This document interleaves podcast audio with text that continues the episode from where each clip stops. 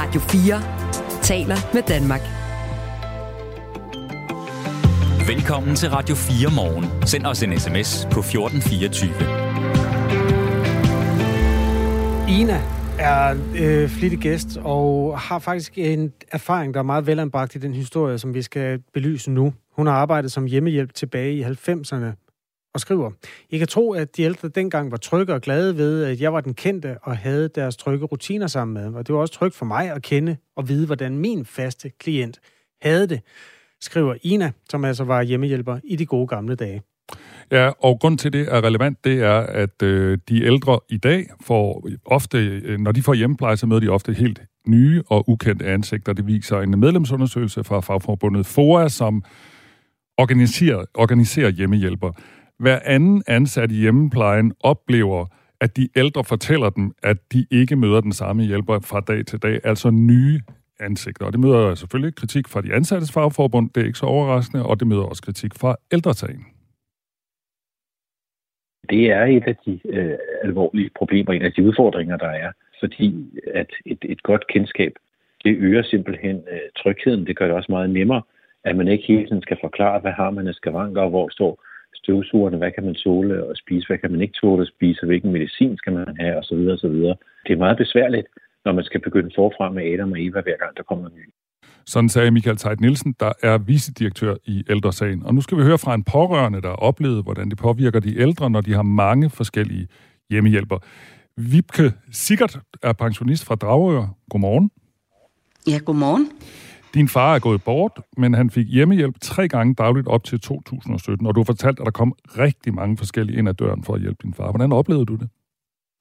Altså, da det gik op for mig, hvor slemt det rent faktisk var, hvor mange forskellige mennesker, der, der var i hans hjem øh, gennem en uge, der sne utrygheden sig ind, fordi mit afsæt øh, her var jo, at øh, jamen, det var en, en mindre gruppe, der kom, fordi sådan var det jo, som I tidligere nævnte, i de mm. gode gamle 90'ere.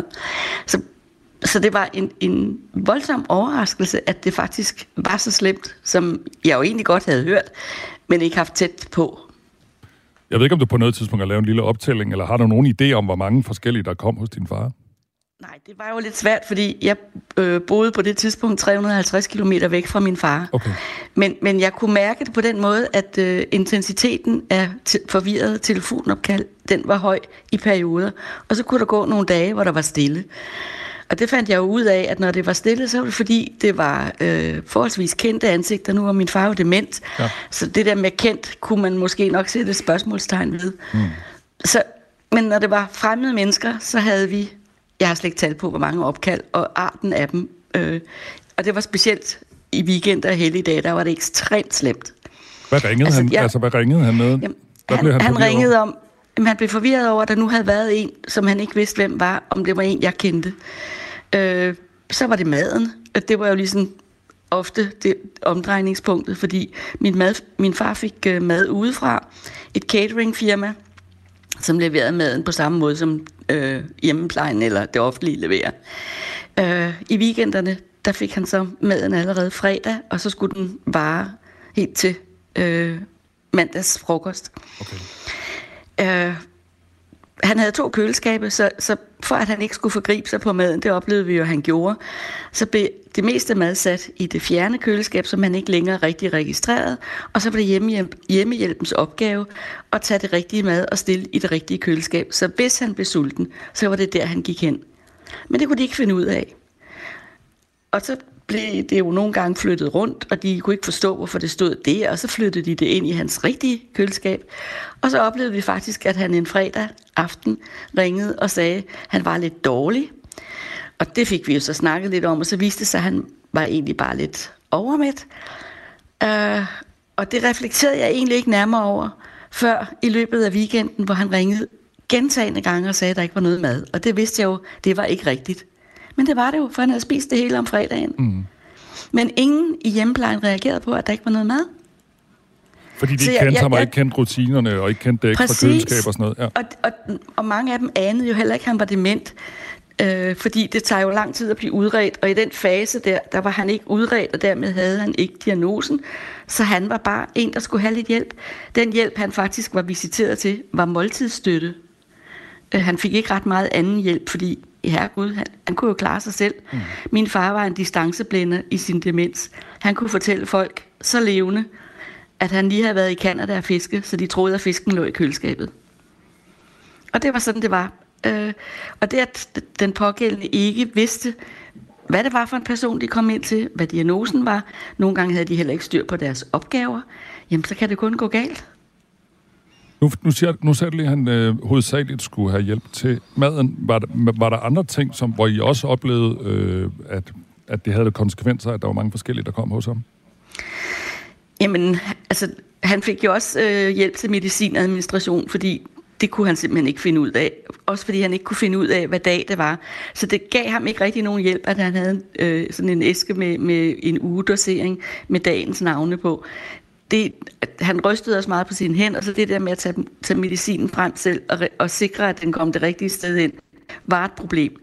Men vi kunne jo se, når vi kom der, at nogle gange, så var der jo øh, urørte æsker, som burde have været tomme. Så det vil sige, at de har ikke engang vidst, at han skulle have medicin. Mm. Og altså, når man er visiteret til to opgaver, medicingivning og måltidsstøtte, så er det ret voldsomt, når 100% af det ikke fungerer. Vi har som sagt talt med Michael Tejt Nielsen, der er visdirektør i Ældresagen, som også forklarer, at det går ud over kvaliteten af plejen, når de ældre bliver mødt af nye og ukendte hjemmeplejere. Det betyder, at de øh, skal bruge tid og kræfter på at fortælle og genfortælle og forklare, og også at der, giver, øh, der kommer en øget følelse af utryghed, fordi man ikke helt har fundet ud af, hvem er det nu, der er kommet ind ad min dør her. Vi taler her til morgen med Vibe, Vibke Sikkert, som er øh, pensionist fra men i den her øh, sammenhæng er, er, er datter til, en, øh, øh, til, til sin far, ja, øh, som fik øh, hjemmehjælp mange gange om dagen, og der kom, eller flere gange om dagen, og der kom mange forskellige ansigter ind ad døren, som din far ikke kendte. Hvordan påvirker det hans tryghed? Nu nævnte øh, Michael Tejt Nielsen fra Ældresagen lige trygheden. Jamen, jeg tror generelt, han var utryg. Øh, men han havde svært ved at udtrykke, hvad det var, der gjorde ham utryg og forvirret, fordi han havde jo ikke overblikket over sin tilværelse. Jeg hørte, at Michael Tejt sagde, at det var belastende for folk, at selv skulle forklare, hvad det var, de mm. skulle have hjælp til. Men det vidste han jo ikke engang. Han var ikke i stand til at forklare, hvad det var, han skulle have hjælp til fordi han var dement. Og det tænker jeg, at når man ved, at 60 procent af de, der er på plejehjem, er demente, de er jo altså også et sted, inden de bliver demente, og det er i eget hjem. Og mange af dem er alene, så de kan ikke forklare, hvad det er, de skal have hjælp til. Og dermed får de vel ikke den hjælp, de har brug for. Nu skal jeg lige til at spørge dig om, om det vigtigste er egentlig, ikke egentlig er, at han overhovedet fik noget hjælp, men du lyder nærmest som om, at det, at det næsten ikke var nogen hjælp. Eller hvad? Altså, an- ankeret for min far var faktisk en privat rengøringshjælp, som vi hørte, øh, da han begyndte ikke længere at kunne klare de praktiske ting i sit eget hjem. Hun var ganske enkelt en perle. Hende kunne vi ringe til døgnet rundt. Hun boede i en anden by, men hun startede sin bil og kørte derind, når det var for slemt. Og det, det var alt fra, at øh, jamen, så gik han rundt i mørke, fordi ingen havde opdaget af dem, der var der om aftenen, at der var gået en pære i hans køkken. Øh, det kunne han heller ikke finde ud af selv at forklare. Fordi han kunne ikke huske det. Han kunne heller ikke huske at forklare mig det, så jeg kunne forklare det videre. Der var bare noget galt, og det var ikke altid, han kunne sætte ord på. Og hvis ikke man ved selvsyn kan konstatere, hvad er det, der nu er galt, så er det også svært at få andre til at yde den hjælp, når der er en stor øh, geografisk afstand. Så jeg havde det sådan som pårørende, at når telefonen ringede, så var jeg faktisk glad, hvis det var sådan en telefonsælger, der bare ville sælge mig et eller andet. Og det er jeg nok en af de få i Danmark, der kan udtrykke. Fordi det, de fleste synes, det er irriterende.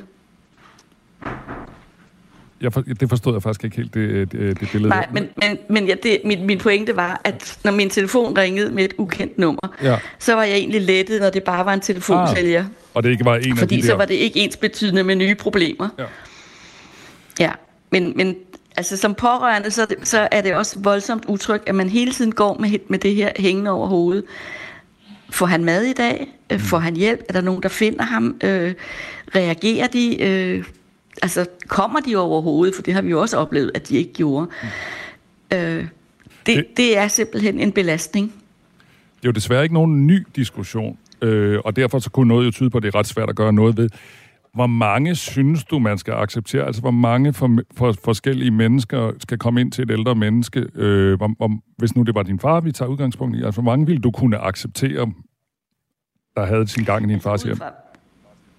Jamen, jeg tænker en håndfuld, øh, sådan rimeligt, og jeg ved godt, at det er svært at få, få det her til at hænge sammen. Men øh, altså som øh, den hjemmehjælper, I talte med, fortalte, så kunne man jo engang godt få det til at hænge sammen. Mm. Hvor man var en mindre gruppe, der øh, alle sammen måske havde et vist kendskab til en øh, hjælpskrævende, så man vidste godt, hvad det handlede om. Måske er det fordi, at kørelisterne i dag er for lange, fordi hjælpen tager egentlig udgangspunkt i, hvordan kan vi gøre det her praktisk, fordi der ikke er så meget, mange ressourcer at rute med, og derfor bliver det en samlebåndspleje, hvis man overhovedet kan kalde det pleje. Jeg ved godt, at det også går godt rigtig mange gange, men når det går godt, så er det fordi, der er nogle dedikerede sjæle, der gør noget, de ikke nødvendigvis skulle gøre. Tak skal du have, Vibeke. Sikkert fordi du fortalte øh, din historie her i Radio 4 morgen. Vi har forsøgt at få et interview med ældreminister Mette Kirkgaard fra Moderaterne, men vi fik et nej tak. Og sen, men senere på morgen, så skal vi høre fra begge politiske fløje, hvis der stadigvæk er noget, der hedder sådan. Vi taler både med Peter Velblund, der er ældreordfører for Enhedslisten, og med Pia Kærsgaard, der er ældreordfører for Dansk Folkeparti. Det er sådan cirka 5-7 minutter over 8. Lige nu er den 8 minutter over 7. Radio 4 taler med Danmark. 16 minutter over 7. Hele mænd, ja. To gange 8 minutter over 7. 16 minutter over 7. Tak for den rettelse. okay.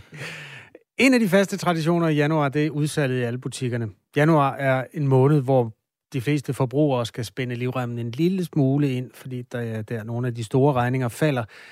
Og så er der jo alt det andet, altså stigende energipriser og inflation, og det kommer vi også til at mærke den her gang. Derfor bliver det en anderledes forbrugsfest, mærket af den skyhøje inflation, men også af overfyldte lager hos virksomhederne. Og hvis de der lager ikke bliver tømt, så kan hele brancher være i store problemer. Det gælder blandt andet tøjbranchen.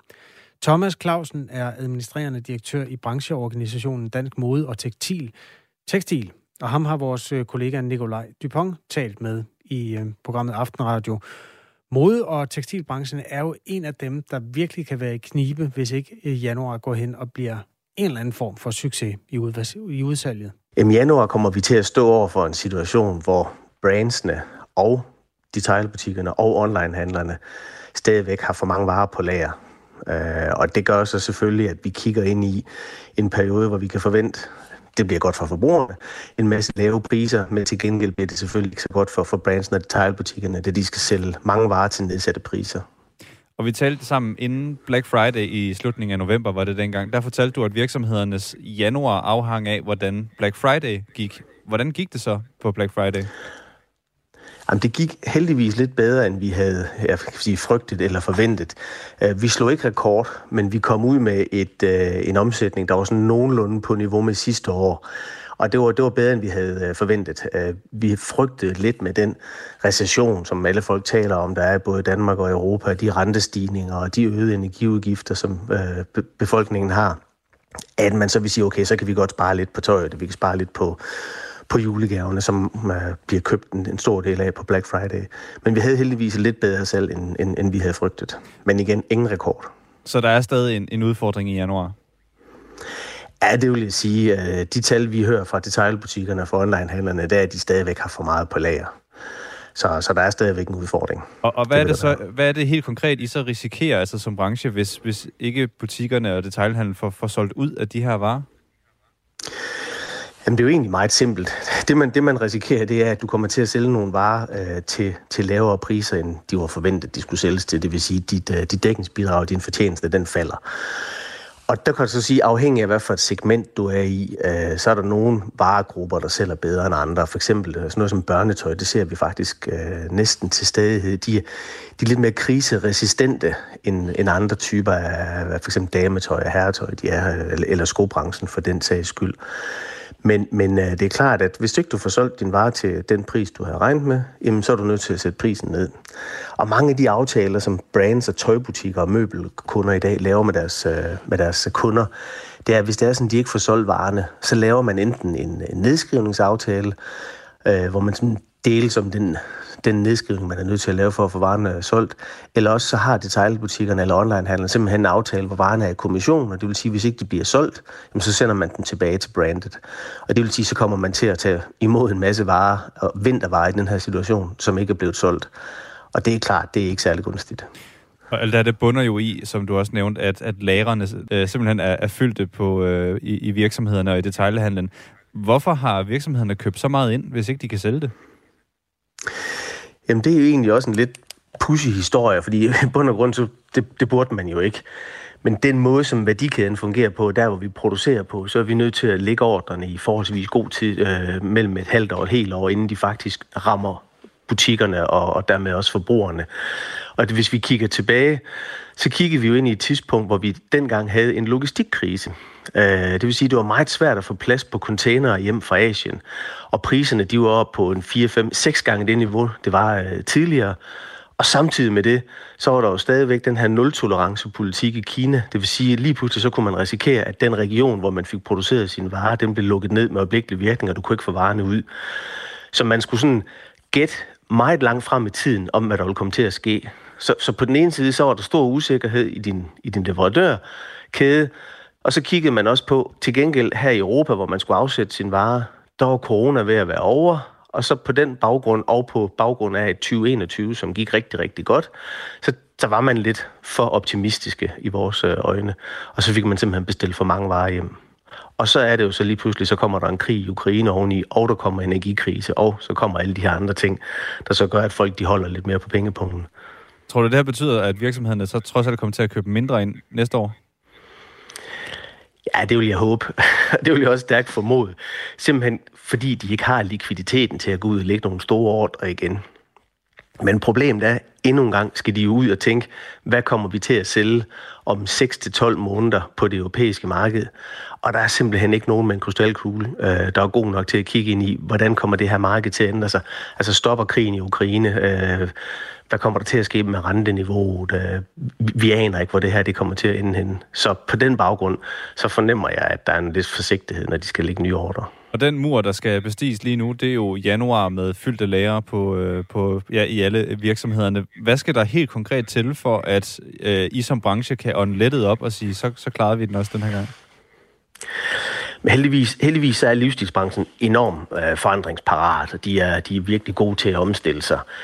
Men det er klart, det vi har kigget ind nu, vi har haft tre år med konstante kriser. Altså, og vi er gået fra den ene krise til den anden krise til den tredje krise. Så, så jeg tror, det, der ligger øverst på ønskesedlen øh, for, for alle virksomheder, det er jo en eller anden form for stabilitet og forudsigelighed. Det tror jeg desværre ikke, det er noget, vi får, hvis jeg skal være helt ærlig, i 2023. Så øh, jeg håber bare, de, de tænker sig rigtig godt om, når de lægger de nye ordre hos deres leverandører.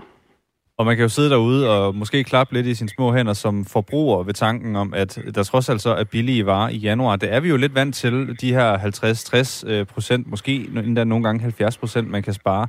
Hvor meget har virksomhederne ligesom råd til at give i, øh, i, i, i rabat? Det er afhængigt af, øh, hvor, hvor godt polstret de er fra virksomhed til virksomhed. Heldigvis så kom de fleste virksomheder ud af det, øh, godt ud af corona, og fik også et rigtig godt 2021, som de kan kigge tilbage på. Så, så de er polstret, det er der ingen tvivl om, men øh, det er klart, det er lidt en rusjebanetur. Det er, når, det er altså i 2020 gik det forfærdeligt, 2021 gik det godt, 2022 det er sådan halvdårligt, ikke? og så kigger vi ind i 23, vi ikke ved, hvad der sker. Så det er, det er, sådan, det er en rutsjebane, man er på. Øh, det er godt for forbrugerne. Uh, de, får, de får billigere varer, brandsene, de kan holde sig lidt. Jeg er lidt mere bekymret for, hvordan detailhandlen øh, vil, vil, vil agere på det her, fordi detailhandlen, de har altså været spændt rigtig hårdt for de sidste tre år. Virkelig hårdt for med tvangsnedlukninger og det ene og det andet. Så dem er jeg lidt mere bekymret for sagde Thomas Clausen, der er administrerende direktør i den brancheorganisation, der hedder Dansk Mode og Tekstil, hvor der altså er meget på spil i forhold til både julehandlen og det januarudsalg, der er lige om hjørnet. Klokken er 7.24. Det er torsdag den 29. december. Vi gjorde det! Missionen på Radio 4 er taleradio, der handler. Vi kan godt lide at gøre noget. Ja. Yeah. Ikke? Ikke bare tale. Fra mandag til torsdag kaster Amalie Bremer og Tony Scott sig over en ny mission. Vi to taler jo meget. Mm-hmm. Og så har vi en handlende kraft. Ja, ja. Nå, sådan har vi fordelt det. Som er reporter, Rasmus. Ah! Når det rigtig bliver svært, så siger vi, og nu stiller vi over til dig, Rasmus. det skal du gøre. Lyt til missionen mandag til torsdag fra 15 til 17. Radio 4 taler med Danmark. Det her er Radio 4 morgen. Kasper, i går der havde jeg øh, listen med over de bedste danske sange, som Sound Venue havde fundet. Ja, det var sådan til den meget sylespidse, lidt indie tand. Det er rigtigt. Og lad mig sige det sådan, reaktionerne på sms'en var også sådan lidt, øh, hvad skal vi sige, der blev nærmest kastet rødne tomater efter øh, Soundvenues valg. Ja, det var meget velanbragt. Jeg tror, det var meget repræsentativt. Ja. Hvad har du nu? Ja, jeg, jeg ved ikke, om det bliver bedre nu. Nu har jeg været på kultursejtet Heartbeat. De har så valgt årets 10 bedste danske plader. Ja. Øh, hvis det stadig hedder sådan. Øh, og albums, de, måske. Albums, og de er ikke listet i en top. Så, så jeg har bare taget tre fra listen. Altså, de er ikke, de er ikke sådan rangordnet. Så øh, vi, lad os prøve at tage tre fra den her liste. De bedste albums, hvor der synges på dansk. Kommer her.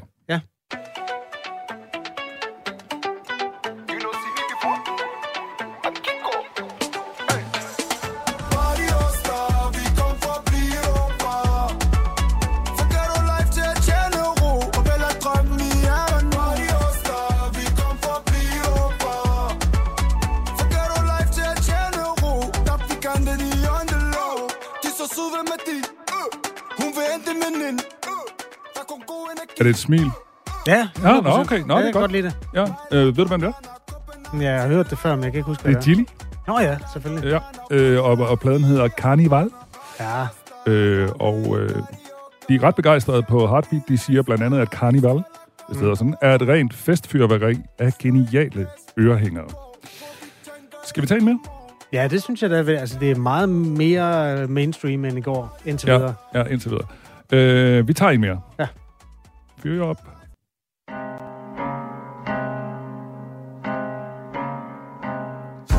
Jeg er en døende stjerne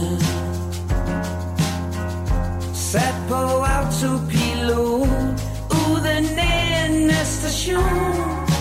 Vaklende i troen. Der er noget som trykker skævt Ned i skoen. Bare giv mig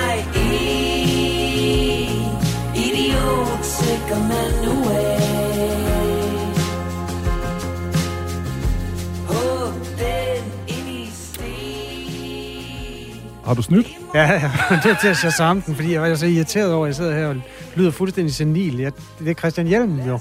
Det er det nemlig. Og nummeret hedder Idiotsikker Manual, og pladen hedder også øh, Idiotsikker Manual. Og Heartbeat skriver, Christian, Me- Christian Hjelm har altid balanceret mellem folkelig troubadour eller Kim Larsen og mere snæver indie-frontmand.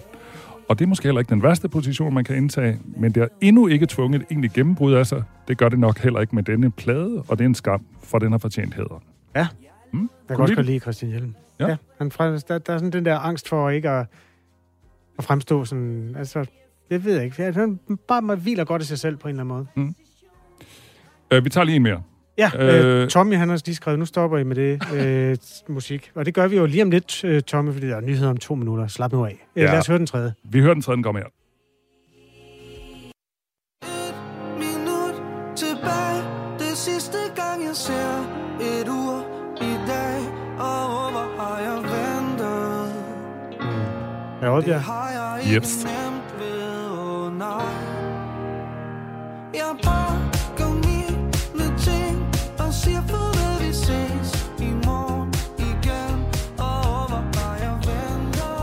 Rosted og Kreuzfeldt har ikke lavet forgæves, hva'?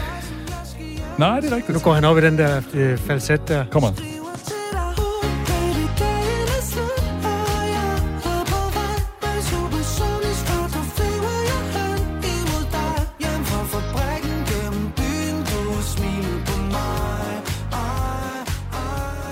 Ja, Ej, det er jo godt nok lavet.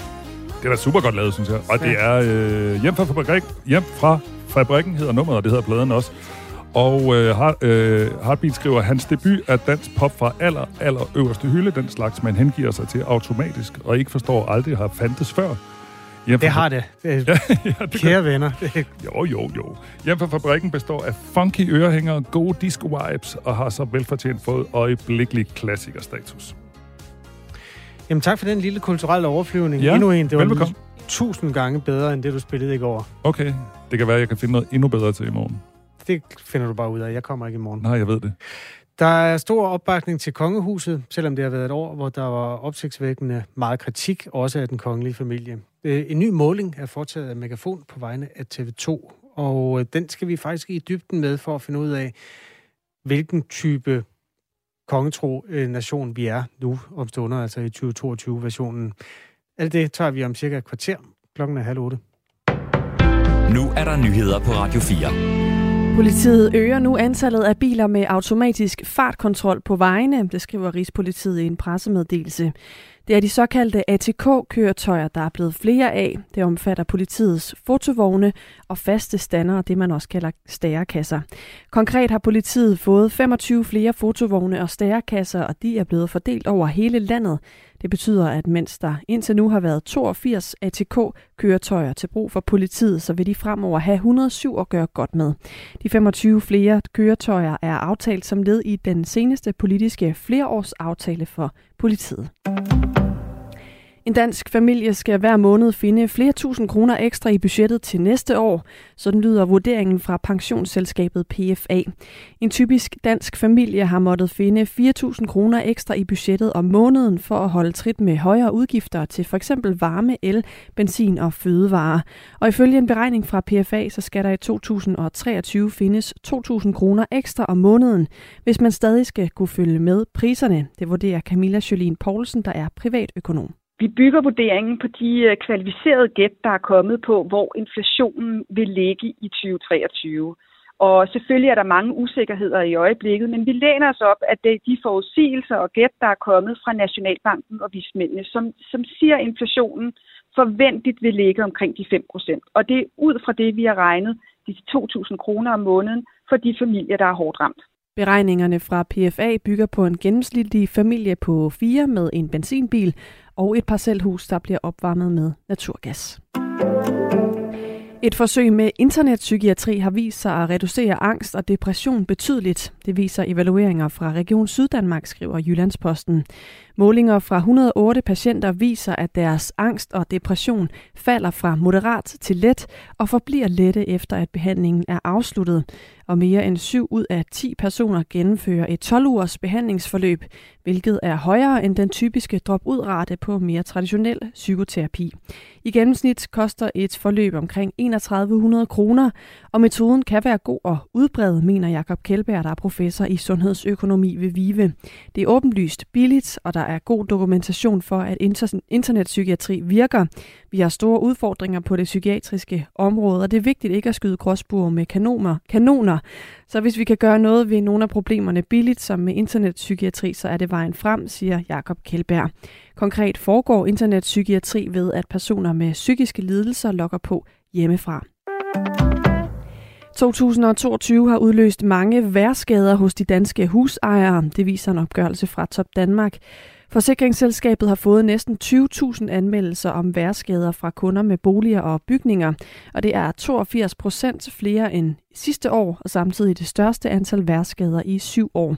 Ifølge Rasmus Rubbe Johansen, der er koncerndirektør i Top Danmark, så har især de to store storme Nora og Malik, der ramte i begyndelsen af året, voldt store problemer. På stormskader der, jamen der har vi en, øh, en 12-13.000 skader, og det er noget mere, end vi ser på et normalt år. Og det er jo primært den almindelige øh, husejer, som har anvendt de her skader, hvor stormen har, har lavet skader på, på tage og hegn, flagstænger, drivhuse og væltede træer.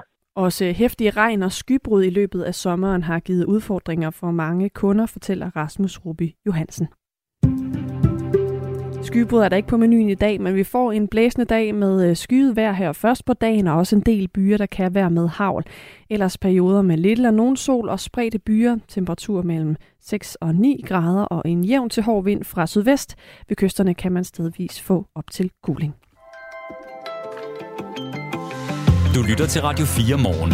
Husk, du kan skrive en sms til os på 1424. Den nye regering vil tvinge elever, som drømmer om at gå på gymnasiet, over på erhvervsuddannelser. Den påstand kommer Henrik Nævers med, da han er formand for Danske Gymnasier og rektor på Roskilde Gymnasium. Godmorgen. Godmorgen. Hvorfor mener du, at øh, nye, den nye SVM-regering vil tvinge elever over på erhvervsuddannelserne? Ej, det tror jeg også, at I uh, lige spidsformulerer det lige rigeligt, men der er i hvert fald med i regeringsgrundlaget, at man vil prøve at se på adgangsbegrænsning uh, til gymnasiet. Og hvorfor bekymrer det dig? Ja, I hvert fald, øh, hvis det handler om, øh, om øh, tvang, og det kunne have noget med karakterer.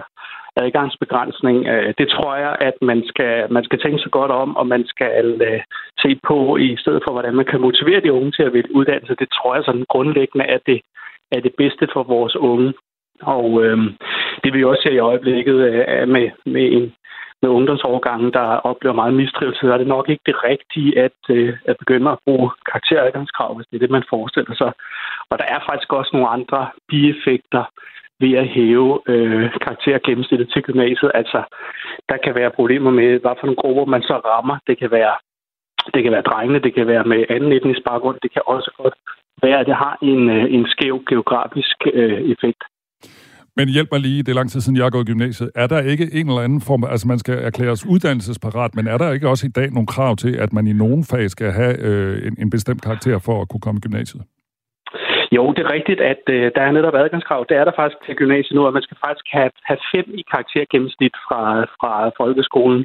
Så der er krav, det er der. Og, øh, og det, det, der så står i regeringsgrundlaget, det er, at man så vil se på øh, adgangs, øh, altså adgangskravene til gymnasiet. Og der er jo det, vi så siger, det er, at man skal tænke sig om, inden man øh, begynder at hæve karaktergennemsnittet. Så i dag er der allerede noget med karaktergennemsnit, men du er så bekymret for, at hvis, altså du er simpelthen bekymret for, at hvis man nu siger, jamen, der, der, den skal højere op, for at man kan komme i gymnasiet. Mm. Mm. Ja, det vil jeg sige, det er. Det, øh, det tror jeg, man skal tænke sig godt om, inden man øh, begynder at skrue på det, øh, på det håndtag.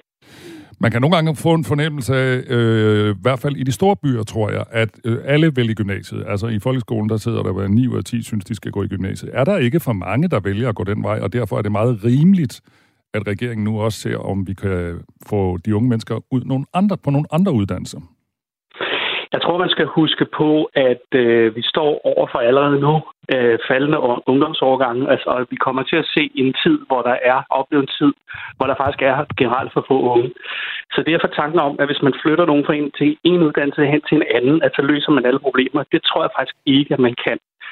Øh, der er ikke noget galt i at overhovedet, at man prøver at se på, hvad der, hvad der mangler på arbejdsmarkedet. Og der kan vi også se, at der i høj grad også er brug for dem med studenterhuden. Så man kan ikke sige, at de unge de vælger forkert. Og det tror jeg også er meget, øh, faktisk er en meget dårlig formulering også over for de unge, og det passer faktisk heller ikke på arbejdsmarkedet. Så, øh, så til det igen er man tilbage ved, at det handler om at motivere de unge til i højere grad at vælge en uddannelse. Og så er der også desværre jo de øh, cirka 45.000 unge, øh, som står tilbage uden hverken job eller uddannelse. Og det har regeringen jo også heldigvis med stor ros til det, at man vil få langt flere af dem med på uddannelsesvognen. I regeringsgrundlaget, der hedder det blandt andet, at man vil arbejde med at forbedre vores øh, klima og miljø, og det kommer til at kræve hen, mm. blandt andet øh, folk med en faglært uddannelse. Giver det ikke Mm. meget god mening, selv for en med en studenterhue på som dig? jo, selvfølgelig gør det det. Det gør det. Jeg tror også godt, de fleste ved, at det kræver også nogen, der har en studenterhus, som også er med til det. Så det er jo ikke, det er jo ikke enten eller, det er, det er stadigvæk et både og. At det kræver jo uddannelse uanset hvad, og derfor handler det også om, at vi får uddannet så mange som muligt. Altså vi, vi kort sagt får alle med fra en, en ungdomsårgang, som tager en uddannelse. Men nogle gange så kan man jo få den opfattelse af sådan noget som gymnasier, erhvervsskoler og alt muligt andet. Det er sådan et filantropisk foretagende, men I er jo også nogen, der er afhængige af penge fra staten, og I er selvfølgelig også bekymret for, at der er gymnasier, der skal lukke, og gymnasielærer, der skal fyres. Handler det her ikke bare om, at du selvfølgelig varetager gymnasiernes interesse mere, end du måske kigger på det mere samlede samfundsbillede? Nej, jeg synes i høj grad også, at øh, jeg ser på, hvad de unge mennesker både gerne vil, og hvad de kan, og hvad der er brug for i fremtiden. Øh, og øh, der er ikke nogen tvivl om, der er også brug for unge med en studenterhoved. Altså det er der virkelig, og der er brug for alle unge i fremtiden. Fordi at vi jo ser faldende ungdomsovergang. Og, øh, og derfor kommer der til at mangle unge mennesker inden for øh, de, de, de store grupper øh, i samfundet også, det er også de små, men der kommer simpelthen til at mangle generelt, og det gør der også med dem med, med, med studenterhuen, og derfor handler det jo om at få så mange med fra en overgang, altså få alle med, også dem, der nu i dag ikke uddanner sig. Men kunne man ikke godt forestille sig, at det kunne give meget god mening, at dem, der måske lige sådan kan hudle sig igennem en studentereksamen, og ikke nødvendigvis bliver glade, glade akademikere, de kunne blive øh, lykkelige håndværkere, og derfor så kunne man sige, at nogle af dem, der måske faktisk ikke egner sig rigtigt til at gå i gymnasiet, de kunne måske blive meget gladere for en erhvervsuddannelse.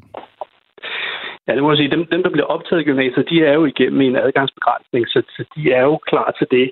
Og, øh, og så er det faktisk også sådan, at, øh, at nu siger du det, at ikke bliver glade akademikere, men, men faktisk er, er, er største part af dem, vi uddanner, de har tager faktisk jo en kort eller en mellemlang uddannelse. Altså, der er jo rigtig mange, der går i gymnasiet, bliver sygeplejerske, bliver øh, læger osv. Så, videre. så, øh, så det med, at alle skal blive akademikere, sådan er det jo heller ikke. Men der findes jo også eksempler på, nu kan jeg ikke lige nogle tal på stående fod, men nogen, der går i gymnasiet, og så bagefter går i kokkelærer, eller så bagefter bliver møbelsneker. Var det ikke smartere, at de startede på en erhvervsskole, i stedet for at bruge tre år i gymnasiet? Ikke, ikke nødvendigvis. Altså det, vi har erfaringer for, og som, som også virksomhederne er glade for, det er jo for eksempel elektrikuddannelsen. Der er cirka halvdelen, de har en studentereksamen med, når de starter på elektrikuddannelsen, fordi det også jo er en krævende uddannelse. Så, så på den led er, er det ikke nødvendigvis sådan, det er. Så der er også en mulighed, og det arbejder vi faktisk også for, at man får vejledt eleverne, studenterne, at de kan tage en, en, øh, en øh, hvad hedder det, erhvervsuddannelse efter deres studentereksamen. Det er der cirka omkring 5 procent, der gør i dag. Uden det er spild at gå i gymnasiet først? Det tror jeg ikke, man kan sige, at det er spild at tage en uddannelse. Ja, og, og, og hvad hedder det, både dem, der går i lærer som elektriker, og de uddannelser, de virksomheder, de er glade for det. Vil det sige, at du sådan, hvis jeg nu lige skal opsummere her øh, i udgangen af interviewet, vil det sige, at du simpelthen synes, det er en dårlig idé, at regeringen vil arbejde på, at der skal komme flere over på erhvervsuddannelsen? Nej, det vil jeg ikke sige er nogen dårlig idé. Det, som jeg siger noget omkring, det er, at øh, man skal passe på med at lave adgangsbegrænsning til gymnasiet. Okay. Tak fordi du var med, Henrik Nevers. Du er formand, Det var så lidt. For, du er formand for Danske Gymnasier og rektor på Roskilde Gymnasium. Klokken er 7.41. Det her er Radio 4 morgen med Michael Robach og Kasper Harbo. Husk, du kan skrive til os, hvis du har noget på hjertet, på telefonnummer rød øh, 1424. Jeg tror simpelthen, vi skal markere en mærkedag nu. Ja. Er, du klar til øh, dagens Kurt Ravn quiz? Og er det noget, der kommer... Jeg er ret ny øh, her på radioen. Er det noget, du sådan kører ugenligt, eller der? Øh, nej, men jeg tror, at det er sådan en tradition, der måske har første... Altså første... Det er urpremiere på Kurt Ravn-quizzen. Åh, oh, det vil jeg gerne.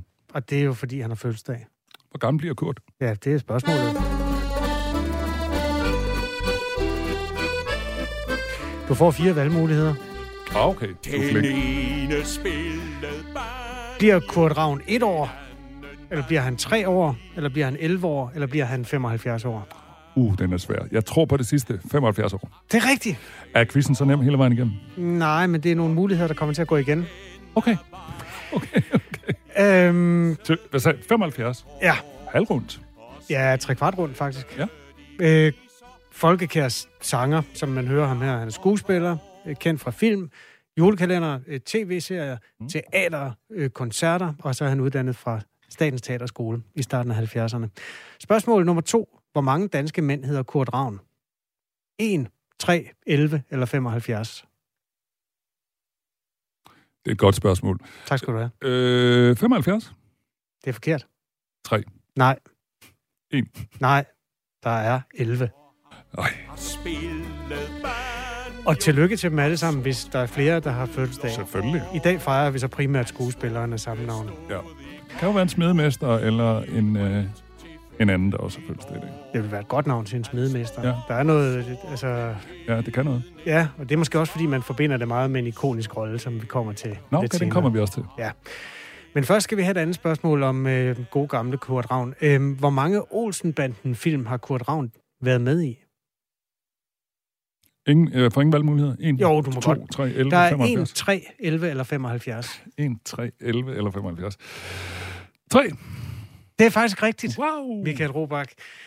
Øh, Jeg bliver meget overrasket, hvis du kan fortælle, hvad det er for tre, men du må meget gerne prøve. Jeg, jeg, jeg er selv tvivl, om jeg kan tre titler. Øh, Olsenbanden i Jylland? Nej. Olsenbanden til Rødt? Nej. Nå. Olsenbandens flugt over plankeværket er den ene, hvor han spiller en chauffør, der kører med kemikalier. Den anden, den er lidt svær, fordi det er Olsenbandens allerede sidste hyp. Øh, Er det norsk? Ja, det er nemlig. Hvor han spiller en chauffør, der kører med kemikalier. Okay. altså, det er simpelthen... øh, det, det er hans glansrolle. Ja, det er det nemlig. Og så er han også med i Olsenbandens sidste stik, og der har han virkelig en pikant rolle. Kører han med kemikalier? Nej, det gør han nemlig ikke. Han lægger stemme til afdøde Kjeld. Poul Bundgaard døde jo. Undervejs, ja. Ja, han døde undervejs. Så man manglede noget stemme, og der øh, har Kurt Ravn simpelthen åbenbart talent for, at øh, Prøv at Kurt kan være som helst. Han kan i hvert fald spille en øh, glansrolle, øh, glansrolle som Røde i Massador. Og den, den, vi har jo hørt nogle lydklip fra sangen om de tre musikanter. Ja. Inden det sidste spørgsmål, så vil jeg lige præsentere dig for Jeg har ikke kunnet tage den fra Matador, hvor han synger sammen med Elin Reimer, fordi der er noget rettigheder med det der. Så jeg har taget en, hvor det bare er ham selv, der synger. Men han laver en meget, meget flot modulation i sidste vers af de tre musikanter. Det synes jeg, at du skal nyde, inden du får det sidste spørgsmål. Er du klar? Jeg lukker øjnene og nyder det. Instrumenter, som de spillede hver især, så spillede han på. Er det ikke lækkert? Åh, oh, det er så lækkert. Sangen om de tre musikanter er, øhm, indgår i en festscene mm. i øh, tv-serien Matador, mm. hvor Kurt Ravn jo er røde. Hvad fejrer de? Og det her får du tre muligheder, yes. som er noget med B. Befrielsen, bryllup eller barndåb. Jeg kan se billederne for mig faktisk. Det er hjemme mm. i Rødes og Agnes stue. Og den er enormt lang, den her sang i serien. Jeg kan huske, man tænker, at stopper det aldrig. Øh, bryllup. Det er rigtigt! Nej. Michael Robach, du har vundet noget, men jeg ved ikke helt, hvad det er. Jeg må høre Ravn resten af morgenen, Ja, når vi har fået præcis. fri. Tak for en god quiz, øh, Kasper. Og tak til Kurt Ravn for en hel masse gode oplevelser. Danmarks store kulturgeni. Radio 4 taler med Danmark. Der er stadig stor opbakning til kongehuset, selvom det har været et år, hvor der har været opsigtsvækkende og usædvanligt meget kritik, også af den kongelige familie, og faktisk især af dronning Margrethe. Det her det er en ny måling, der er foretaget af Megafon på vegne af TV2, og kritikken skyldes jo også skandalen omkring prins Christians nu tidligere skole, Herlufsholm. Men især dronningens beslutning om at fjerne titlerne fra fire af sine børnebørn affødte meget kritik af den hidtil urørlige majestæt.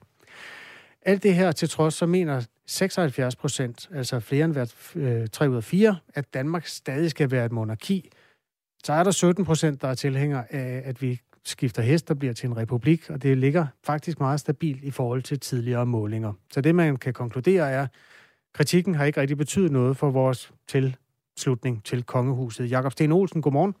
Godmorgen. Kongehuskommentator hos Berlingske. Hvad tænkte du, da du hørte de her tal? 76 procent er stadig tilhængere af monarkiet, og 17 procent for, monar- for republik. Jamen, øh, som du selv sagde, det ligner jo det billede, vi kender. Øh, og som øh, jo i høj grad, nu er det jo jubilæumsår af dronning Margrethes fortjeneste, altså hun har siddet 50 år på tronen, øh, og hun er så populær som ingen sinde, og afleverer jo sådan set kongehuset, øh, når det sker på et eller andet tidspunkt, sandsynligvis i bedre stand, end hun modtog det. Øh, men for mig at se, er der egentlig ikke, hvis man tænker lidt over det, nogen modsætning øh, mellem, at danskerne er meget glade for monarkiet, og at man så ser kritisk på håndteringen af de her krisesager, vi har haft i, i år. Øh, fordi øh, når danskerne ser kritisk på kongehusets håndtering, så handler det jo lige præcis om, at vi er glade for vores kongehus, øh, sådan generelt, øh, øh, og at vi ikke kan lide, når der er ballade, når det ikke fungerer. Øh, vi kan ikke lide, når øh, kongehuset vasker deres beskidte undertøj for at sige det lige ud i offentligheden. Vi vil have et kongehus, som arbejder for sagen, øh, som repræsenterer Danmark øh, indadtil og udadtil, øh, og hvor vi i hvert fald har illusionen om, at det er en stor lykkelig arbejdende familie. Øh, så for mig at se, er det egentlig ikke så overraskende, øh, fordi kongehuset står så sindssygt stærkt i Danmark. Mm. Øh, at de her sager, øh, som trods alt, øh, som er alvorlige sager, det er alvorligt nok, men som trods alt er i småtingsafdelingen sammenlignet med, hvad man kan opleve andre steder i Europa, så giver det måske nogle øh, midlertidige riser i lakken. Øh, jeg kan huske, at jeg var med, med i en tv-udsendelse, hvor man spurgte seerne om, øh, i forbindelse med Herlevsholm-sagen, om det havde øh, mindsket øh, kronprinsparets anseelse i danskernes opfattelse. Og der var der faktisk hver tredje, som sagde, at de syntes mindre om kronprinsparet nu, end før. Øh, Men vi, når tiden går, så øh, sker der jo også noget, så fordufter det ligesom igen. Men det er klart, at der er nogle advarselssignaler i det her til kongehuset, fordi øh, de skal blive bedre til at håndtere krisesager. Ja. Øh, øh, fordi de vil komme i årene fremover også. Øh, og, og, og det er jo klart, at hvis man gang på gang har sådan nogle sager, så kan det begynde at slide på hovedstolen. Det, at der var kritik af dronning Margrethe i forbindelse med de øh, titler, der blev fjernet fra børnebørnene, hvordan oplevede du det? Altså, fra, du har jo fulgt med i det her i mange år, og den, den, den, der sådan lidt snublende, lidt snublende tilgang til det, øh, var måske lidt noget Ja. nyt. Hvordan, hvordan var det, så det ud for dig?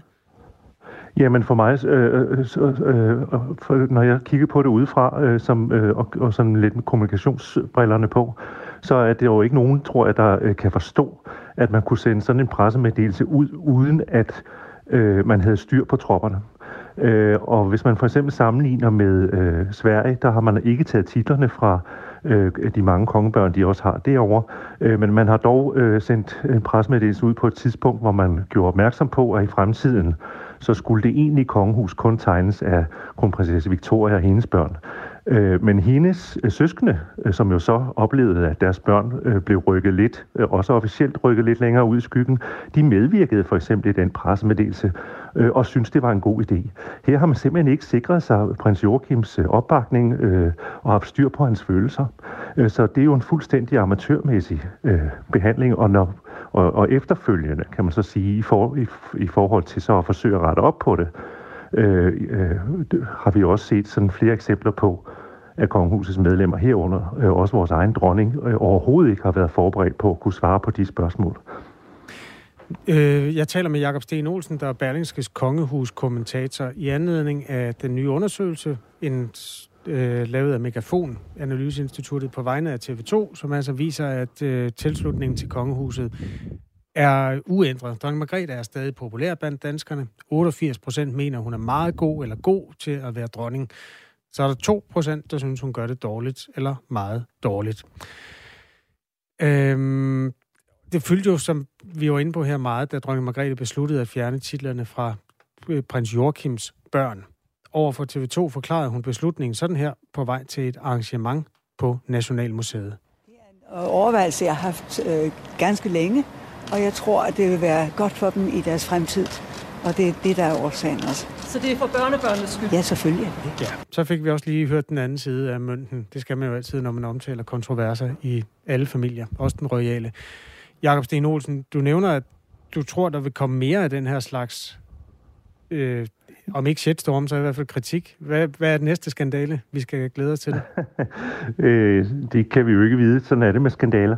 Øh, men vi kan i hvert fald se et mønster, der handler om, at kongehuset jo, fordi øh, det er sådan navnet med den yngre generation, altså de er unge på 50, øh, at de øh, i stigende grad jo gerne vil spille en anden rolle i kongehuset. Altså kongehusets øh, opfattelse af sig selv er under forandring.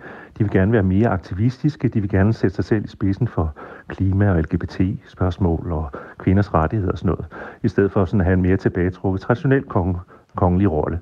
Øh, men det indebærer jo også nogle risikomomenter, fordi øh, man så sætter sig selv op på en lidt højere moralsk hest øh, og fortæller danskerne, hvordan vi skal leve vores liv.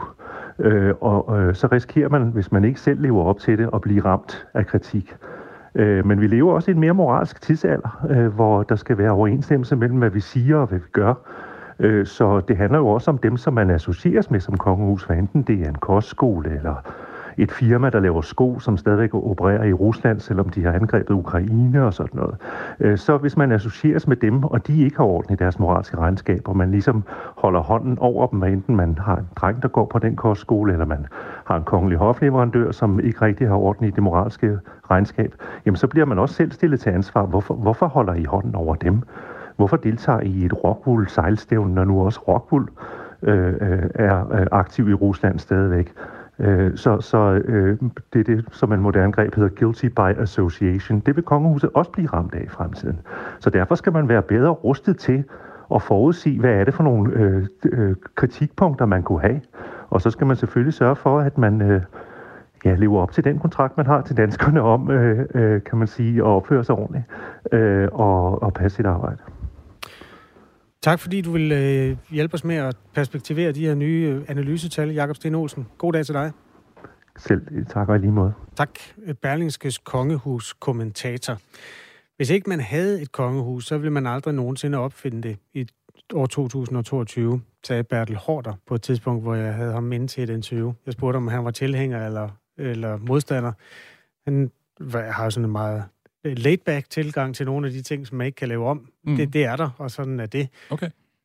Men jeg kan godt lide den formulering, at man vil aldrig opfinde det i 2022, fordi det er så lidt 2022-agtigt, som det kan være. Det er lidt ligesom, når man skal forklare sine øh, små, hvis man, når man har små børn, hvad det er for en institution. Ja. Altså, hvorfor? Altså, de stiller jo det rigtige spørgsmål. Hvorfor, hvorfor, hvorfor har de fine biler? Hvorfor skal de... Hvor, altså, det er da svært at forklare. Ja. Måske sådan lige forlængelse af det, Bertel Hård også siger. Ja, lige præcis. Fra Bertel og børnene skal man høre sandheden. Øh, fem og et halvt minut i 8 er klokken lige nu. Det her er Radio 4 morgen. Jeg er jo lidt øh, syg med lister, og Ja. der kommer mange lister herop til nytår. Ja, nu har vi hørt øh, listen over de gode, øh, de gode album. Øh, jeg har også fundet en anden liste. Øh, årets kriser. Jeg kom til at tænke på den. Øh, Årets hvad? Årets kriser. Kriserne? Ja. Okay. Øh, det er journalisternes fagblad Journalisten, der har oplistet årets kriser. De har bedt 15 kommunikationseksperter rangordne årets største kriser, efter hvilken krise, der var sværest at kommunikere sig ud af. Er det så kriser i den der sådan, shitstorms forstand? Altså øh, kommunikationskriser? Jeg tror, det er dem, hvor, hvor, hvor de, det her panel, har vurderet, af, den, den er svær, hvis man er kommunikationsmenneske. Øh. Ja, så det er ikke coronakrisen, Nej, eller? nej, slet ikke. Nej. Øh, er du klar? Jeg har lige top 5 klar til dig. Jamen, det vil jeg da meget gerne høre. Øh, den, nummer 5. Papeskeletter. Bedst, Okay. som, bedst som Søren Pape havde meldt sig som statsministerkandidat, og valget er på trapperne, vælter det ud med dårlige sager, blandt andet om hans familie, familiære ophav og om uofficielle ministermøder i Karibien. Det er faktisk overraskende, at der er fire, der har klokket mere i det i årets løb, end Pape gjorde, fordi øh, en ting er, at man kan være ramt af uheld, men jeg tror, de fleste iagttager er enige om, at han var ikke klar til at kommunikere omkring det. Altså, der var han fuldstændig øh, på bagkant. Ja. Der kommer, der kommer fire mere. Kommer Ja, her. dem glæder jeg mig til. Mink-kommissionen, det er nummer fire. Åh, ja, Efter i månedsvis at være blevet beskyldt for magtfuldkommenheden, må statsminister Mette Frederiksen se sig hårdt kritiseret for groft at have vildledt offentligheden. Mink-kommissionen skriver dog også, at hun ikke har vildledt med vilje. Og her undrede jeg mig lidt. Ja. Fordi jeg troede faktisk, at vi stod der Venstre, som ikke ville have en undersøgelse af Mink-kommissionen. Den var også lidt svær at kommunikere. Altså, Jakob Ellemann, oh, ja. Jacob Ellemann gjorde, øh, gik ud med det samme, ikke? Og, Jamen, du gør det meget kompliceret at forstå nu, fordi du er nødt til at pakke den færdig først. Altså det, Ja. som der er krisen, den første krise, som bliver fremhævet i det der, Ja. det er øh, Mink-kommissionen Ja. som sådan. beskylder... Ja. Øh, hun bliver hårdt kritiseret for... Nå, at altså, ville- det er Mette Frederiksen? Ja, præcis. Det er hende, der er centrum Ja, med den lige der. præcis. Lige præcis. Det var godt. min egen lille fodnote, at øh, det egentlig undrede mig, at, øh, at øh, Jacob Ellemann og Venstres kovending øh, med, at vi ikke skulle have en undersøgelse, ikke var på den her liste. Er den, De ikke? er ikke engang i top 5? Nej. Nej, okay. Øh, nummer tre.